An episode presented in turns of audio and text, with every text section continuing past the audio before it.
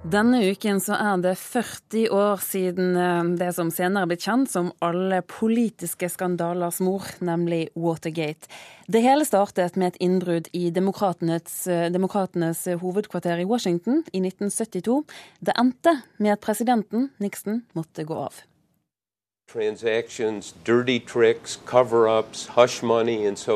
Skitne triks, hysjhysjpenger osv. Nixons presidentskap var fullt av korrupsjon, sier Bob Woodward, som sammen med Carl Bernstein avslørte Watergate-skandalen. I forbindelse med 40-årsmarkeringen har TV-stasjonen CBS intervjuet de to journalistene. I 1972 ble innbruddstyver tatt på fersken i Demokratenes hovedkvarter i Watergate-bygningen i Washington idet de forsøkte å installere avlyttingsutstyr.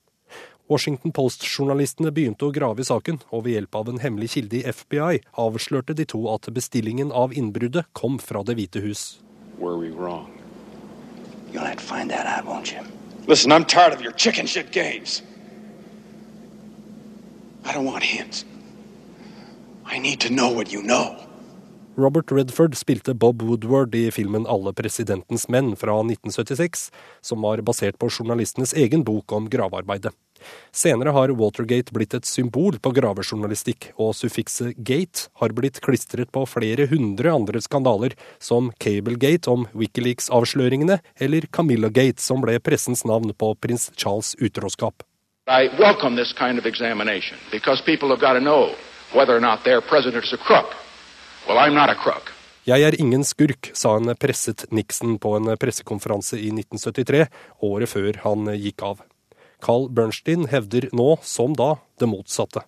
What we found is that his White House became to a remarkable extent a criminal enterprise. Carl Burstein mener altså at Det hvite hus ble en kriminell virksomhet under Nixons regjeringstid. Reporter her, det var Halvor Haugen. Med meg i studio nå, Per Egil Hegge, du er tidligere redaktør og USA-korrespondent for Aftenposten. Og kan vi kanskje starte med det siste. Den siste påstanden. Var Nixon en skurk? Ja, han, det var jo et klart lovbrudd da han begynte å sette, trekke i trådene for å få dekket over og for å få hindret etterforskning og for å få ødelagt bevismateriale. Eh, og det ville han jo ha blitt eh, fradømt embetet på i riksrett hvis han ikke hadde gått av frivillig, frivillig dobbeltsett anførselstegn. Eh, sånn at det er det dekning for. Og det er dette med altså 'jeg er ingen kjeltring', når du er nødt til å si det, så begynner folk å lure på jaha, skal vi tro på det demokratiet? Det er omtrent som når enkelte andre sier 'jeg var aldri i tvil'. Det kan være grunn til å tenke et og annet da også. Eh, disse journalistene, Woodward og Bernstein, hvor viktig vil du si at de var i avsløringen av den politiske skandalen? De var viktige, men det som er blitt borte, eh, selv om den personen det gjelder, ikke er noen beskjeden mann, det var Ben Bradleys rolle, altså sjefredaktøren. Fordi eh, som alle journalister så gjorde også Bob Woodward og Bernstein en feil i oktober. Eh, og da kunne Det hvite hus for første gang sende ut et dementi. Det var en liten detalj, men det var en feil. Og eh, det var første gang storparten av amerikanske aviser omtalte hele saken, for det var regnet som en fillesak helt altså fra juni til oktober. Og da ble de innkalt til Bradley. Eh, som sa eh, eh, ikke gjør den feilen en gang til, men vi fortsetter. Det er veldig mange redaktører, og hvis hypotetisk tenkt, jeg er redd for at jeg ville ha vært blant dem som da hadde sagt OK, gutter, dere forsøkte, det gikk ikke, vi skrinlegger saken. Men det gjorde han ikke, og det var den helt avgjørende beslutningen. Og det var, det var modig. Redaktør med ryggrad. Ja, ja. Det er mye hva skal vi si, selvdigging i Washington Post om disse dager. De er stolte ja, av seg sjøl. De har de holdt på med i 40 år. Og de, har, de, gikk jo på en fryktelig smell for eh, det er 22, nei, 32 år siden nå, 31 år siden da de var altså en som fikk Pulitzer-prisen. Eh, hun hadde diktet opp en historie, eh, og det ble ikke oppdaget før hun fikk prisen. Og den som skulle ha sjekket den saken, det var eh, mellomleder Bob Woodward. Han har rykket opp til det, og det kostet ham sjefredaktørposten. Så det er ikke bare Det går ikke bare oppover selv for de store stjernene. Men som det ble nevnt i reportasjen her, Watergate har blitt stående som en slags symbol på gravende journalisters rolle og altså, virkelig politiske skandalers mor. Fikk Watergate noen politiske følger bort utover det at Nixon trakk seg?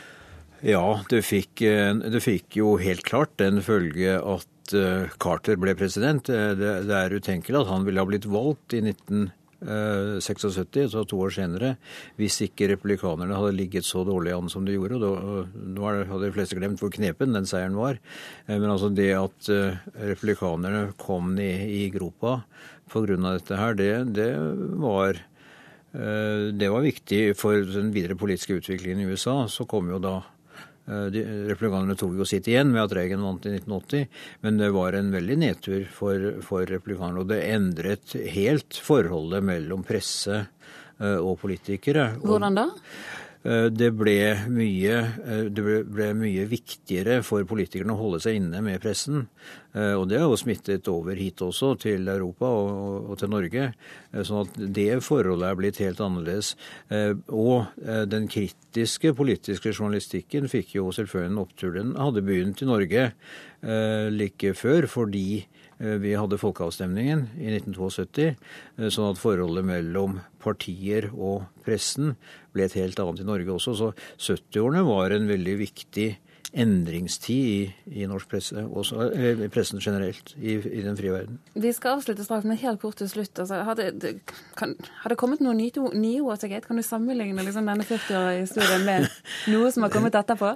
Nei, altså på det nivå. Altså det er jo sjelden at en president må gå av i USA. Det, det er jo eneste gang det har skjedd. Eh, og det er vel president nummer hva er det, 44 eller noe sånt som sitter nå. Så, men, men eh, altså det med å grave opp skandaler, eh, det har jo blitt Det hender jo at det tar overhånd. For det, man skal jo ikke glemme at det faktisk finnes ærlige politikere. Eh, og det ble, det ble veldig mye eh, altså, på autopilot at eh, han er politiker, han er kjeltring, nå må vi finne et eller annet. Og det har ikke vært sunt. Per Egil Hegge, takk for at du var med oss eh, her i eh, Kulturnytt. I denne sendingen så har du bl.a. hørt eh, at Odd Nærdrum avviser alle påstander om skattesvindel. Han erklærte seg ikke skyldig i lagmannsretten i dag, og du leser mer på nrk.no. Ellers var Kulturnytt i dag laget av produsent Sondre Bjørdal. Det tekniske ansvaret har Lisbeth Sellereite, og her i studio Turi Grønbæk.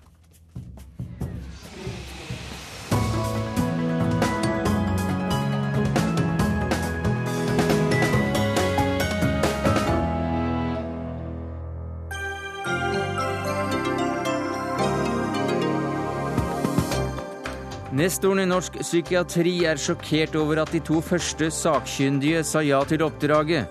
Det burde nestoren ikke vært, sier et psykolog. Og norske hoteller sier nei til stjernemerking. Bare Norge og Finland som ikke har autorisert vurdering. Hvorfor får vi vite i Dagsnytt 18 klokka 18.00. NRK P2. Sommer i P2. P2. Jeg heter Tove Nilsen og har brukt mesteparten av mitt lange liv til å lese og, og skrive. Og det har gjort meg lykkelig og redd. Og den lykken og redselen skal jeg snakke om i Sommer i P2. Sommer i P2. Kjente stemmer inviterer deg nærmere. I morgen klokka 15.